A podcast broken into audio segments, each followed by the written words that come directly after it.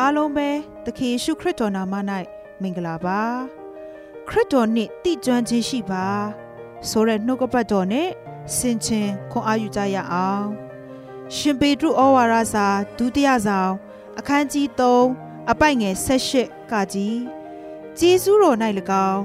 ငါတို့ကိုကယ်တင်တော်မူသော အရှင်သခင်ယေရှုခရစ်ကိုတည်ကျွမ်းခြင်း၌၎င်းကြီးပွားကြလော့အပြစ်တရားမှ ဂျေဇုတရားတဲ့သို့ပို့ဆောင်တော်မူသောကယ်တင်ရှင်ယေရှုခရစ်တော်ကိုတည်ကျွမ်းခြင်းရှိတဲ့အသက်တာမှာအရာရာ၌တိုးပွားခြင်းကြီးပွားခြင်းရှိလာမယ်။ဝိညာဉ်ရေးရမှာ၎င်းမြင်နေရတဲ့ရုပ်ပိုင်းဆိုင်ရာမှာ၎င်း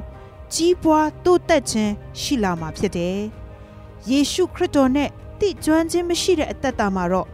အရာရာမှာရှုံးနိမ့်ခြင်းနှုံချခြင်းမိမိကိုယ်ကို အားမလို့အားမရဖြစ်ခြင်း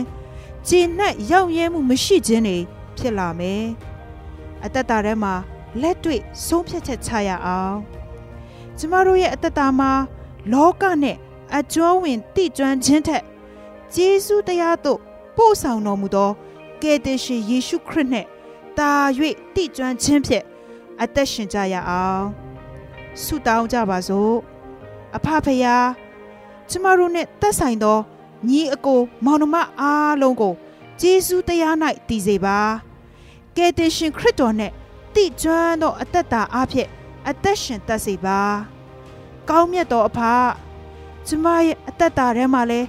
လောကနဲ့တည်ကျွမ်းခြင်းလောကီရေးရအတွေးအခေါ်များနဲ့ထိတွေ့တည်ကျွမ်းခြင်းထက်ဂျေဇုတရား၌တည်စေသော အရှင်သခင်ယေရှုကိုတနေ့ထက်တနေ့တိုး၍တည်ကျွမ်းသောအသက်တာဖြစ်ဖို့ မဆတော်မူပါသခင်ယေရှုနာမ၌ဆုတောင်းပါ၏အာမင်